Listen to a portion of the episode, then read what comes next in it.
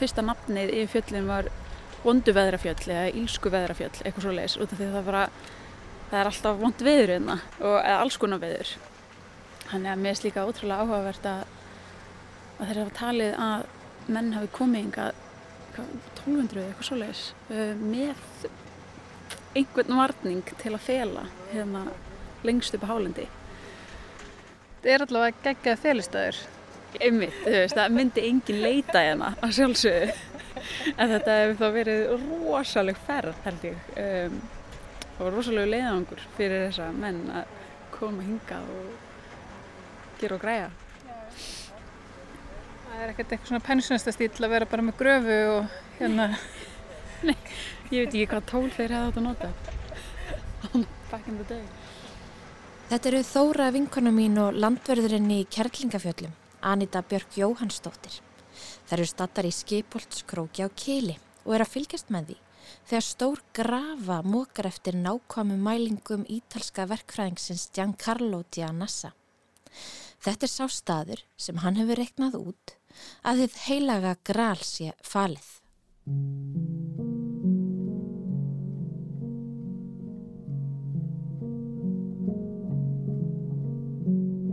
Ég heiti Halla Ólafsdóttir og með mér er Þóra Hjörleifsdóttir. Þú ert að hlusta á leitina, annan þátt, Dante á Íslandi. Jæja, mm. eigum við að rifja upp hvert við erum komnar í sögunni. Endilega Við vorum búin að kynast Þórarni, mm -hmm. frendaðinum, Já og ítalska verkfræðingnum Giancarlo Giannassa mm -hmm. sem hætti að vinna til að helga lífsitt lindarmálum ítölsku mistarana og Dante. Já. Og honum tókst það sem að engum öðrum hafði tekist, bæði að finna skilaboð í hinnum guðdömlega gleðileg Dantes og leysa þau. Já. Og þá komum ljósa að þetta mikla verk er raun fjársjóðskort. Það er rosalegt. Mm -hmm. Og við skildum við Giancarlo þegar hann var búin að ákveða að koma til Íslands til að finna heið heila agral. Nákvæmlega. Hálfa mánuði setna er Giancarlo vinnu minn mættur til Íslands. Ég sækja hans vera flugvöld og við bara stefnum í leiðangur upp að kjöl daginn eftir. Þórarinn er í grunninn mjög svona lipur og bóngóðu maður þannig að auðvitað talta hann það bara ekkert eftir sér að renna eftir Giancarlo út á keflauguflugvöld og ég held að það hafa alveg verið svolítið gaman fyrir þá að hitta slokksins. Við erum bæði líkir og ólíkir eins og gengur. Við erum báður gaman reyndir fagmenn í okkar fögum og þetta eru, þetta eru fög sem eru eins og bara sko bara lófin og handabakið á sömu hendinni. Þau verður fast við sama fyrirbæri. Þórarinn sem sagt arkitekt og Giancarlo verkfræðingur. Í fornald var þetta bara einstjætt manna, byggingamestarar. En á þessum tímum þarna í kringum reynisans tíman og fram eftir 17. 18. öld þá fer þetta klopna í, í annars vegar sko, listræna þáttinn og praktiska þáttinn, reikni þáttinn og, og, og, og mælingarnar og svo hins vegar sköpunar þáttinn og varðað arkitektum og verkfræðingum eins og þekkið það í dag. Og þetta eru svona eins og maður þekkir eftir að verið þarna lengir og þetta eru svona tvær típar af mann. Það er praktíski maðurinn og yfirleitt stálgrendi og svo listræni maðurinn sem einnig þarf að vera með svolítið milli erðnana til þess að skapa og, og, og móta það sem að byggt er og tryggja það að það standi öruglega og, og sé tröst og gott byggt á sannund. Úr því umhverfi komum við báðum. Og næsta stopp var Kjölur þar sem Þórun fór með Giancarlo á staðin sem hann var búin að sikta út frá hnitum Dantes. Og Þórun vildi sína Giancarlo þessa klettaborg sem hann hefði fundið sem lág hann niðri með frá mjöguláni og var í læginu eins og hálft ringleikahús og var með hann hann að stóra stein sem að bara potaðist út og myndi eða bara dyr. Og Þórun hann talar alltaf um þessa klettaborg sem ampiteater en það þýðir ringleikahús og það var svona það sem að greip aðtegli hans þegar hann kom hana tveim vikum áður en hann kom hana með Giancarlo. Herðu, hann hafði ekkert endilega áhuga á þessu ambitjæðir mínu sem ég vildi sínunum. Heldur vildi hann Olmur fara upp að fossin, Gíafossi. Það fannst honum staðurinn sem hann hafði mestan áhuga á. Og því að hann þekkti hann úr hvaðin og hafði staðsetningu hans einlega nelda niður samkvæmt hvaðin og hann held að þetta væri staður en það væri bara að geti gengið þarna að einhverjum helli undir þessum fossi og þar væri allt gósið farið mér leist nú ekki þetta það að fara ég vissi nú alveg hvernig þessi foss var hvort við kyrðum upp á hannum Jökulsáinn beljar hérna fram af klettum og, og, og þetta er mikil bóðaföll í þessum fossi. En hann er aldrei sérkjörnulegur því að, að í fossin rennur einlega önnur á bergvassá þannig hún er blá öðrum einn og, og fossin er blár jáðarinn öðrum einn og hvítur og móröður húnum einn en þá vil svo til að Dante lýsir nákvæmlega þessu. Annars vegar er þessi móröða mikla á og hins vegar þessi bláa kvísl sem heiti blákvísl og fossinum þar sem það koma saman. Og Dante segist hafa baðað sig í blákvíslinn og, og hann hérna Giancarlo fer og klifra þarna um allt í þessum jæðurinnum á þessum fossi þar sem að komast var að. Og leitaði að ég vissi ekkert hvað hann var hann sagði mér það ekkert við, hann var nú ekkert voðalega malskur og ennsku á þessum árum. Og við vorum bara rétt að kynast þannig að við vorum ekkert svoleiðis nánir þarna. En hann leitar og, og, og, og klappar klættunum og sagði mér setna að hann var að bara leita að, að, að helli þann undir fossim en ég hef þetta sagt hann að sko að bergið allt í kring og undir og allt um kring er rennandi blöð það er ekki góða fylgstaður undir íslenskum fossi. Þórarinn var bara hrettur um að Giancarlo myndi fara sér að voða og hreinlega steipast í fossin En ég held að Giancarlo hafi bara ekkert átt að sig á aðstæðum og veri bara á ákveðinu svona yfirsnúningi yfir að vera loksins komin hann upp á kjöl. Og hann leiti kringu sig og sá að staðurinn sem hnitin sem hann hafi reiknað út bara heim í stofu hafðu leitt hann á stað sem passaði fullkomlega við lýsingar í ljóði Dantes. Þannig að þetta var svona enn einn staðfestingin á að hann væri á réttri leið. Og þarna sem sagt, svo förum við eiginlega og nánast göngum nýður með onni til þess að, að átt okkar á gilinu þarna niður eftir og svo komum við að þessu ambetjátur og þá bara alveg bettur yfir Giancarlo. Þetta er, þessu er list í hvaðinu sem ambetjátur. Og þarna stendur Dante á barminum þar sem við stóðum og með heilaga menn allt í krungu sig og hinum einn í hásæti, stein hásæti, situr æsku ást hans þessu. Og allt í kringum hana eru heilagi menn úr biblíunni. Og, og, og Karlo bara, og sko, þetta er bara rýmar allt, þannig er þetta bara allt lifandi komið. Giancarlo var sem sagt bara vissum að þetta væri staðurinn þar sem fjársjóður Katrana væri falinn Já, og ég menna, þú veist, þetta passa allt svo vel. Og Giancarlo held, hann þyrti bara rétt að skiknast á bakvið eitthvað foss eða velta við einhverju steinum og þar með væri bara þessi ráðgáta list. Já, en þegar ég sé þetta fyrir mér, þá sé ég bara fyrir mér mikla víðáttu.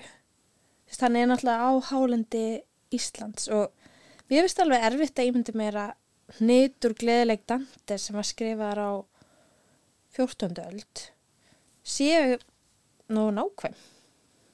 Já, eða veist, þetta er náttúrulega hlítur að hafa verið aldrei eins og ætla að fara að leita að náli heistakki.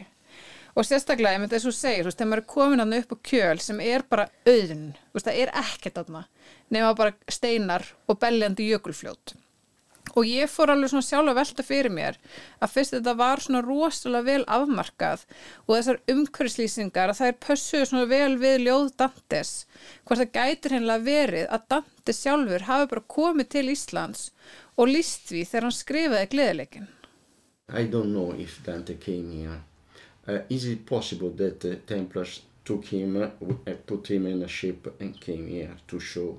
Giancarlo segist ekki vita hvert Dante hafi komið til Íslands, kannski. En svo gæti hann líka bara hafa fengið margar teikningar, skissur og mælingar til að koma á blað. Giancarlo er þó þeirra skoðunar að Dante hafi komið til landsins þar sem að í gleðileiknum segir ég var þar. Hann gæti hafa komið og dvalið í einn mánuð, það er alveg mögulegt. I calculate that uh, from spring to autumn he, he could come by ship in Iceland and stand here once a month. And so, uh, yes, it's possible. Þannig að þó að Giancarlo hafi ekki fundin eitt undir þessum fossi að þá var hann handvis um að tengingin sem hann hafi fundið millir Dante og Íslands væri alveg tær og skýr. Það mátti skilið á honum þegar vorum að spjalla að, að hann átti alveg svona því að hann fyndi einhver, einhvern helli eða eitthvað. Svona bara í, í, í, gríni og ég get kvíslið á einhverju, lofið að segja einhver frá því sko, að ég þekkti mann sem að, að vann í Sælabankanum var svona í efri lögunum þar. Og ég sagði honum að sko það gæti vel verið að, að við þyrstum að, að fá eitthvað örugan geimslustad fyrir mikil vermandi og þá vísi ekki af einum stað betur heldur en sko fjárheyslu Sælabankar og hann saðist myndunum hérna brósandi gera hvað hann gæti. Sko, mér finnst þetta vera svo mikið æði. Þóren frendi er náttúrulega bara bestur. Og þarna til öryggis bara svona til öryggis var hann að sjálfsögja búin að gera einhverja ráðstafanir? Kannski verð bara að ljósa á verðmæti sem þau töldu sér verið að finna. Eða leita. Já, og ég meina ef þeir hefðu fundið eitthvað þarna upp frá að þá væri það orðabókaskilgreiningin á því sem er ómetanlegt og þá er hann sagði mér að í fyrstu að þá hafði Giancarlo verið alveg bara svolítið svona var um sig og bara svona svolítið stressaður að því hann vildi passa að fjársjöðurinn myndi ekki falla í rángar hendur. Giancarlo og vinnur hans þeir fund, fannst strax að þeir eruð að fara varlega af því að óvinnitni sem að funda ekki það sem þeir vildi finna fyrir 800 áru síðan, þeir eru ennþá við völd í dag og hver veit hvað þeir vilja með svona hluti í dag. Þannig að, að hann nefndi það og ég sagðist bara já, já, ég skal passa líka upp á það að við höfum ekkert háttuð um þetta hvað við erum að gera niður að hverju við erum að leita. Þannig við sem ekkert að búa til einhverja hugmyndir sem ekki eiga við. Og ég saði svona í gríni sko af því að ég lærði þá list af, skrítni fólki sem ég kynntist að fara aftur í eigin fortíð. Og ég fann, og fann mjög stert einsinni að ég hafði í árdaga verið musterisleitari og ég sagði þetta við hann, heyrðu, þetta er nú alltaf, ég er, sagði við hann, ég er musterisleitari þannig þú getur alveg treyst mér og þá sagði hann, heyrðu, ég er kattari því að einhver kona sem hann kynntist sagði hann um fortið hans að hann hafi verið kattari áður fyrir þannig hann er hafði sjálfur verið uppi á þessum tíma mm -hmm. og ég fann út að ég veriðst hafa líka verið upp á þessum tíma mm -hmm. kannski komi báður einhvern veginn að þessu þá hver veit Finnst þér þetta ekki fallegt? Jú. Þarna eru bara endurfundir hjá kataranum og musterisitranum. Já. En við umrundar eftir að fara alveg yfir hverjir musterisitranir eru. Eða e, voru, eða eru. Já, eru. Eru, voru, einmitt. að því að musterisitrar eru líka hluti af þessari atbyrðrás. Og þeir voru ekki katarar en þeir eru samt líka mikilvægir í þessari sögu og musturisittararnir, þeir voru með svona mjög afgerandi stíl hérna í gamla daga og maður svona þekkir þá eða svona pínu ómeðvitað úr æventýrabókunum, þú veist, þeir voru svona albrinjaðir og yfir brinjunum og þá voru þeir í svona hvítum köplum með rauðum krossi voru þeir rittararnir sem voru með svona fötu á höðinu? Sumir, eða stundum þeir eru teiknaði þannig, mm -hmm. þeir voru alltaf alveg með hjálm og bara brinju frá topp til táar mm -hmm. Og svo voru þeir með skildi í stíl sem voru líka með svona, þú veist, hvítir með rauðum krossi. Og á sama tíma, og það var verið að þurka út katarna, að þá voru mustersitrar á mjög mikill uppleið í Evrópu. Og þeir voru svona í því að tryggja öryggi pílagríma sem voru leiðinni til landsins helga sem að fólk var mikið að gera þarna þessum tíma. og musterisreglan varð mjög vinsæl og þeir sem vildu ganga í hópin þurftu að gefa allar eigur sínar og heita því að lifa við fátækt. Já. Þannig að eftir því sem að árin liðu að þá varð reglan mjög rík og valdamikil. Og musterisitrar þeir voru bara á svona sér samningi frá páfanum og þurftu bara að hlýða neinum nema honum og þeir urðu mjög áhrifamiklir og byggu yfir hugviti, búnaði og bara risa skipuflota sem aðrir höfðingar í Evrópu bara slefið yfir. Og musturisittarnir dreifðust um alla Evrópu og með Östurlönd en leikilmenn í reglunni eru sagðir að hafa átt rætur að reyka til Suðu Fraklands og hafi jafnvel verið af Katara ættum. Mm. Þannig að Giancarlo, hann velti fyrir sér hvort það væri möguleiki á að þeir hefðu hjálpa katurnum að koma fjörsjöða þeirra í örgt skjól á meðan að það var verið að ofsækja þá. Þannig að Þórin og Giancarlo eru sem sagt að gera ráð fyrir því að erlendur rittararnir í hópi Snorra Sturlusonar á Þingvöllum, þetta var 1217, hafa verið mustrisrittarar Já, nákvæmlega. með fjörsjóð katarana. Mm En musterisrittarar áttu að, að mati Giancarlo að hafa komið til Íslands og falið hér það sem þessu fólki var verðmættast og það er ekkert verðmættara heldur en menningin sjálf og þannig að við höfum alltaf lítið svo á að það sem við erum fyrst og fremst að leita að væri rítar heimildir bækur og, og annur rít sem að fjölluðu um speki og trúabröð þessa fólks Og þessar upplýsingar sem musturisritararnir hjálpuðu mögulega til við að fela á Íslandi gætu verið efni sem að tengist Marju Magdalenu og svona tindri þekkingu úr frum kristni. Og sagan segir að það hafi verið Marja Magdalena og, og fólki kringum hana sem að komu til Suðu Frakland sem flottamenn frá meðsturlundum og settust þarna að í stórri gýðingabík þarna var mikil fjöldi gýðinga þá þegar búsettur frá fornum fari þess vegna. Og þetta fólk sem sagt var kristnað þessi gýðingabík af Maríu Magdalena samkvæmt þjóðsögun En katararnir í okkar sögu voru sett ekki samtímamenn Maríu Magdalenu en hún fór hann til Suðu Fraklands og settist að á nákvæmlega sama svæði og þeir heldu síðar til á og sennilega hefur svona trúin þeirra gengið út frá boðskapi Maríu Magdalenu en þeir heldu að hún hafi verið eiginkona Jésu. Já, þannig að fyrir katarum þá hafði Marja Magdalena miklu meira vægi heldur hún hefur til dæmis slotið í útgáfu Rómakirkju og sögunum Jésu eins og, eins og við þekkjum hann. Já, algjörlega. Og svo þarf maður alveg að fara svona, svona krókaleir til að finna allar þessar upplýsingar bara eins og með katarna að því að mannkissagan sem að við lærim í grunnskóla og mentaskóla er náttúrulega bara heimild sigurvegarana sem var Rómakirkja í þessu, í þessu dæmi. Þannig að þú veist þegar Rómakirkja var búin að þurka út alla katarna að þá gáttu þú veist kirkjuna menn bara haft að hugulegt og skrifa söguna eftir eigin höfði Og saman gildur um Maríu Magdalenu. Þegar ég heyri nafnið hennar eru fyrstu hugringatengslinn sem komi upp hjá mér bara, já, hún hana, hóran. Já, ég held að það sést ekki svo eina. Já, og ég rætti þetta við vinkunum mína, Valgeri Bjarnadóttur, sem hefur meðal annars stúderað feministka trúarheimsbyggi. Og hún benti mér á að í Nýja testamentinu er Maríu Magdalena, þú veist, hún er sögð hafa verið bersindug, en hún er hverki köllu hóra eða sagt hún hafa verið einhverju vændi og þú veist, bersindug gæti þýtt allt mögulegt. Þú veist, eins og hún hafi bara verið eitthvað veik eða hún hafi tilhert kannski bara einhver annari trú. En skýringuna á þessari hórutengingu má sér að drekja bara til eins prest sem var að kynna sér Marju Magdalenu svona 600 árum eftir að hún dó. Og þá var hann þetta að velta fyrir sér bara eitthvað hvað ætlaði þýði að vera bersindug og hann kom með þá kenningu að mögulega hefðum bara verið hóra.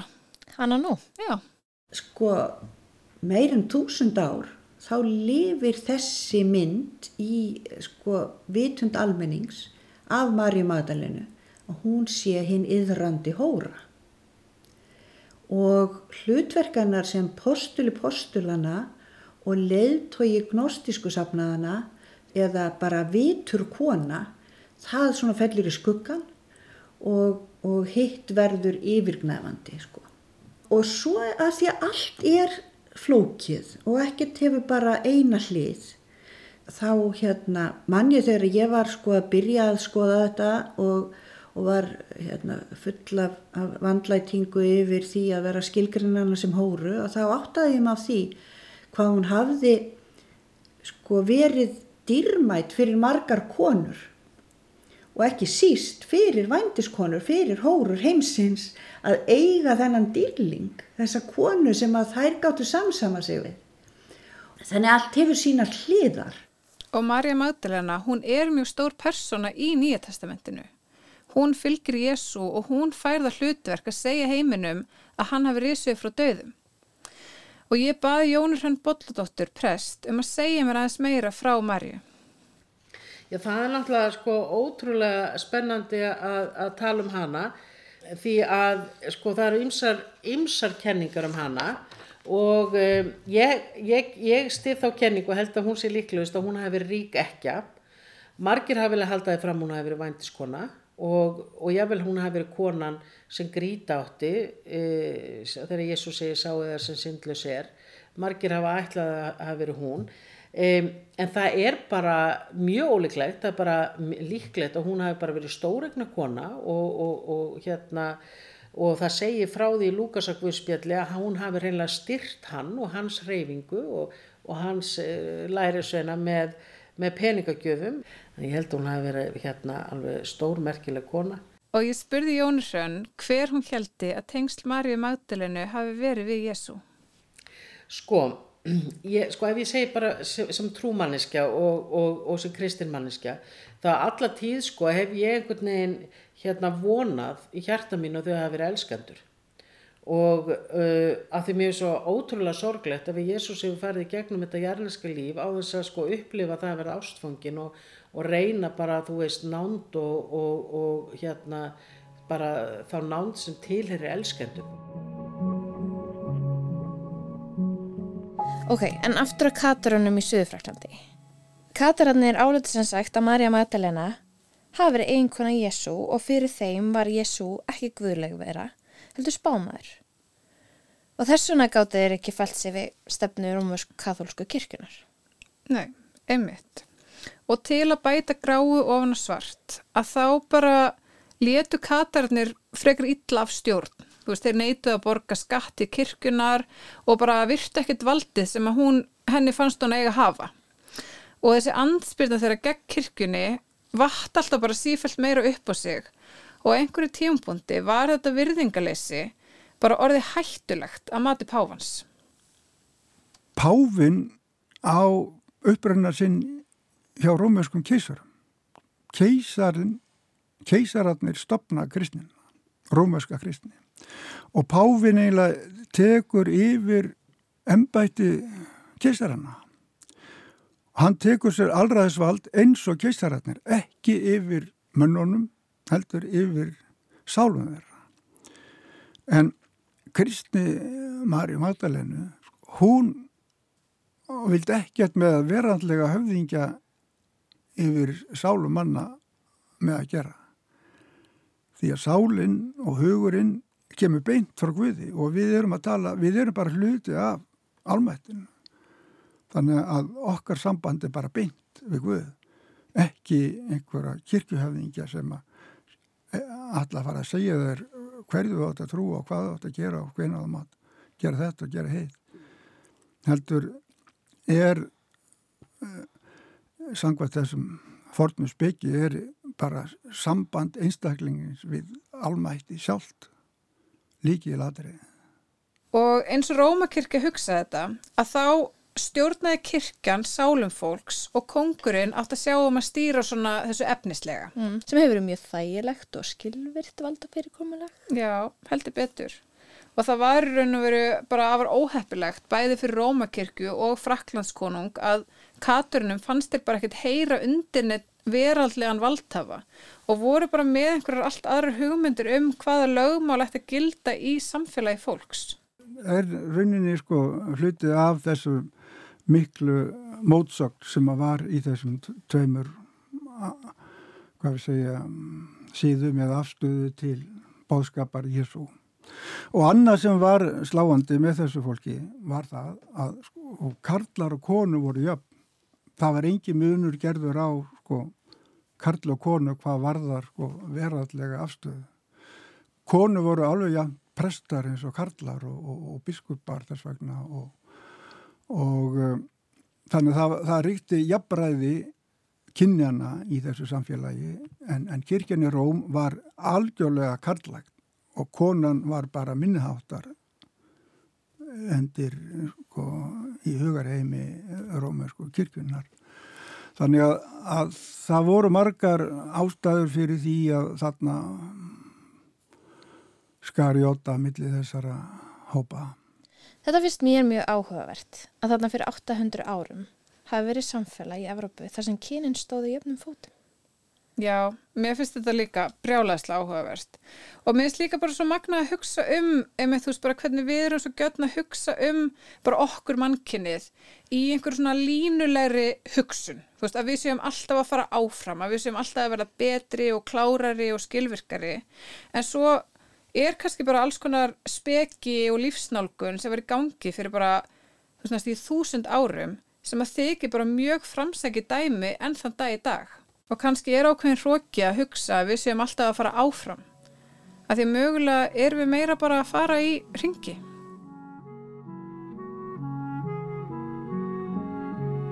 Ok.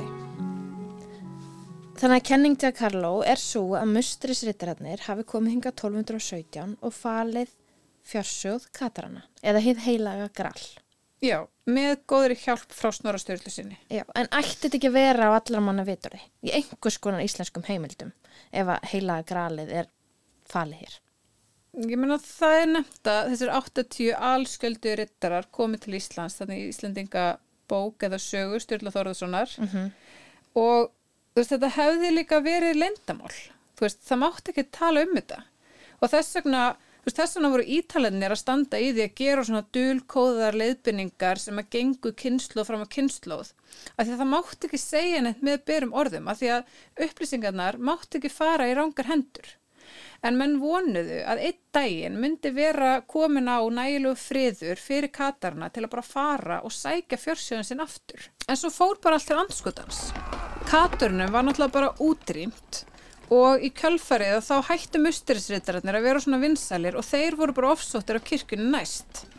Og svo var ástandi ekkert skára hérna á Íslandi að því á sama tíma og þetta var allt í gangi hérna í Evrópu að þá skall bara á með styrlungaöld hérna heima þessu Snorri Sturluson og allir vinnur hans voru drefnir Já hérna. Mm -hmm. Þannig að lindamálið um fjársjóð katarna er eiginlega bara eins og einhver svona kvísluleikur það sem upphaflegi frasin er löngu orðin óskiljanlegur og það eina sem við getum gert er bara að reyna að halda sér fastast í þráðin og vona að við náum að reykja okkur aftur að kjarnamálsins.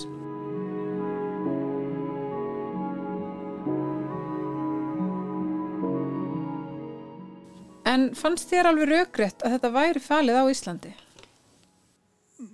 Já, já, út af fyrir sig var það alveg raugrætt. Við getum sagt að sko að, að, að þessi herrferð gegn þessu fólki þetta var allserastrið og útrýmingastrið þeir drápu heilu bæina og allt fólki í bæjanum og fólk var brend lifandi umvörpum. Og, og einni heimild sem ég las þá var talið að hátti miljón manns hafi verið drefnir í Suðu Fraklandi á 100 ára tímabili. Linnuleysra ofsókna sko hvergi í Evrópu var staður getur maður ímyndið sér í hugum musterisrættara sem var örugur sem einhver tíman á 30 ára tíumbili, 10 ára tíumbili 100 ára tíumbili myndi ekki finnast. Og þegar myndi finnast þá er það eðilagt þannig að þeir virðast taka þá ótrúlegu ákvarðun bara fara með þetta til Íslands sem var nóg langt í burtu og litla líkur á því að einhverjur evróskir herir kemi hingað og, og, og myndu sko reyna að þefa uppi félagstæðin. En það reyndist að vera að þetta hefur verið falið hér á Íslandi í 800 ár.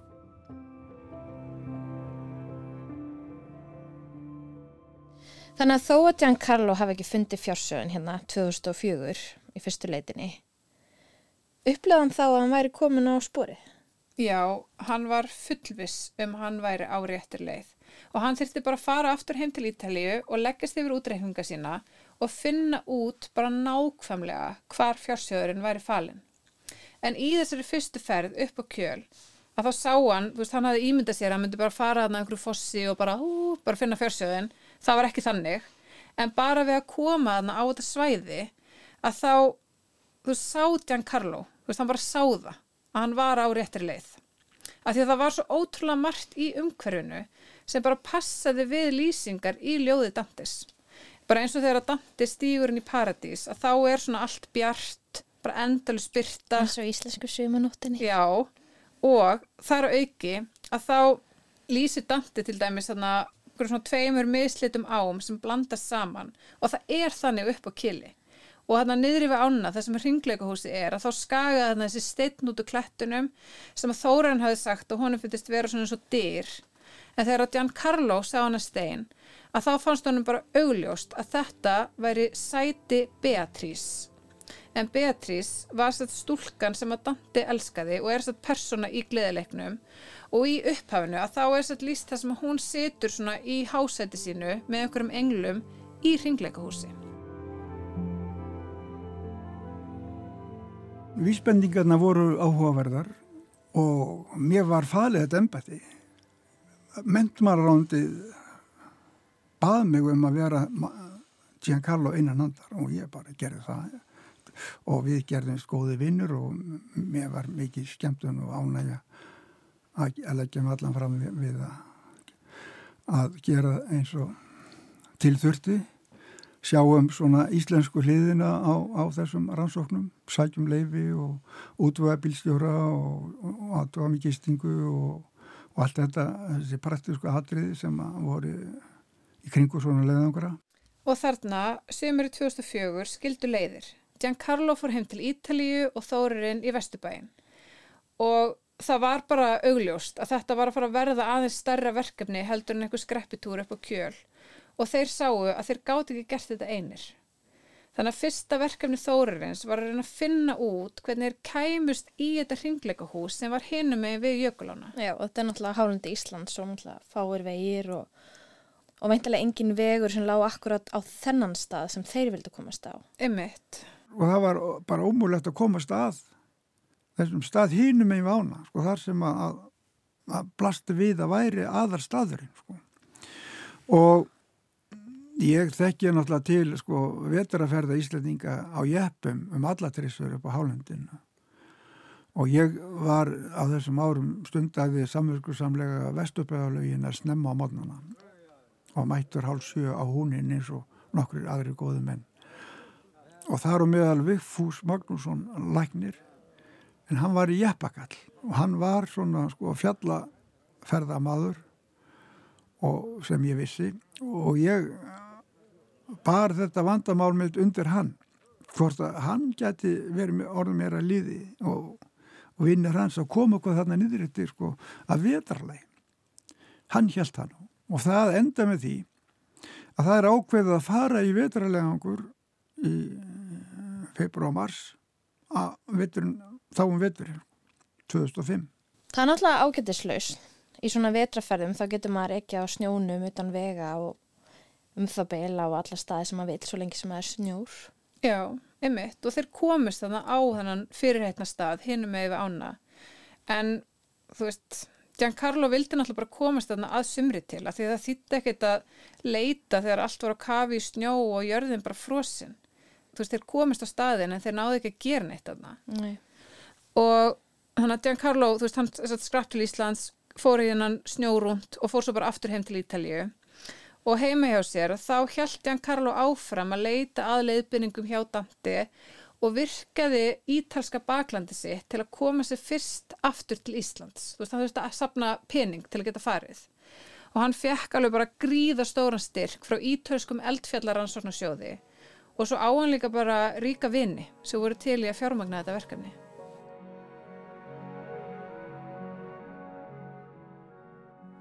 Þannig að, að sumar eftir þá komum við aftur. Þetta var þá líka árið 2005. En nú hafði Giancarlo með sér jarðeðlisfræðing með nýja tækni í að, að skinja það sem var undir yfirborðinu. Gianfranco hétt sá maður og þeir, þeir legðu helikopter. Og þarna er Giancarlo mættur aftur frá Ítalju og núna var hann búin að rætta þyrlu og teimi vísindamanna. Með honum var jarðfræðingurinn Gianfranco sem kom með svona jarðsjá sem getur tekið myndir ofin í jörðina þannig að þetta fór alveg að stað bara með stæl. Og þetta sumar, fyrsta sumar höfðu við helikopter til þess að lifta okkur yfir ána. Það var alltaf kostaða formú en, en það var ítalska eldfjallastofnunin sem að, að, að fjármagnaði þyrtusviðin. Og þetta var alveg, suma var dásanlegt, veðri var ótrúlega gott og við vorum þarna heil lengi og, og mældum og mældum og, og stúderaðum þetta og, og fundum þetta út með sætið og að þetta var sko alveg eins og bara sætinu væri líst í, í hvaðinu. Þá erum við einlega að bara að nota að beita jærsáni en við grófum þó pröfuhólu niður á einu stað og ég er svona að, snura allt í kring og er stend ekkert endil yfir um allar tíma þegar þið eru að móka þarna til þess að, að, að reyna að átt okkur betur á hvað var þarna ofin í þessum jarlögum sko, sem Jarsjón var að lesa mm. og þau kalli í mig og segi mér að koma því að þau hafi fundið bara eins og steifta hellu og þegar ég kom að þá eru þau með skoplunum að banka ofan í að helluna. Það var bara eins og steipa ljóst á litin, bara hörð steipa og þegar banka var í henni þá bara ómaði í þessu eins og eins og þetta væri hljóðfæri. Og ég bara alveg gáttar og þau enda gáttar sko, og heldur þetta væri bara eitthvað stift, þetta væri bara eitthvað manngjart Þú varst að hlusta á annan þátt af leitinni, Dante á Íslandi. Ég heiti Halla Ólafsdóttir og með mér er Þóra Hjörlefsdóttir. Í næsta þætti. Og ég menna maður rindi þannig klettin og, og jú, þú veist, með vilja gæt maður séð, já, jú, þetta er nú kannski svolítið eins og örn á flugi eða... Og svo átti held ég að vera einmyndin af, af, af Jésu Kristi, sko. Já. Og maður gæti svo sem alveg séð það, jú, þetta er nefn og jú, skegg þannig að þetta var náttúrulega skemmtilegt og, og, og svona heillandi heimur sko. og við David sittum upp á bjargbrúnin og horfum nýður og það sem ítæðleginir eru að, að, að gramsa og, og leita og ég segi við David er, sko, þetta er ekki þarna sko. ég bara veit það að þetta er ekki rétti staður Leitin er hlut af hlaðvarpi Rúf. Þú getur nálgast þennan þátt og þáttaröðinni heilsinni í spilara Rúf og öllum helstu hlaðvarpsveitum. Takk fyrir að hlusta.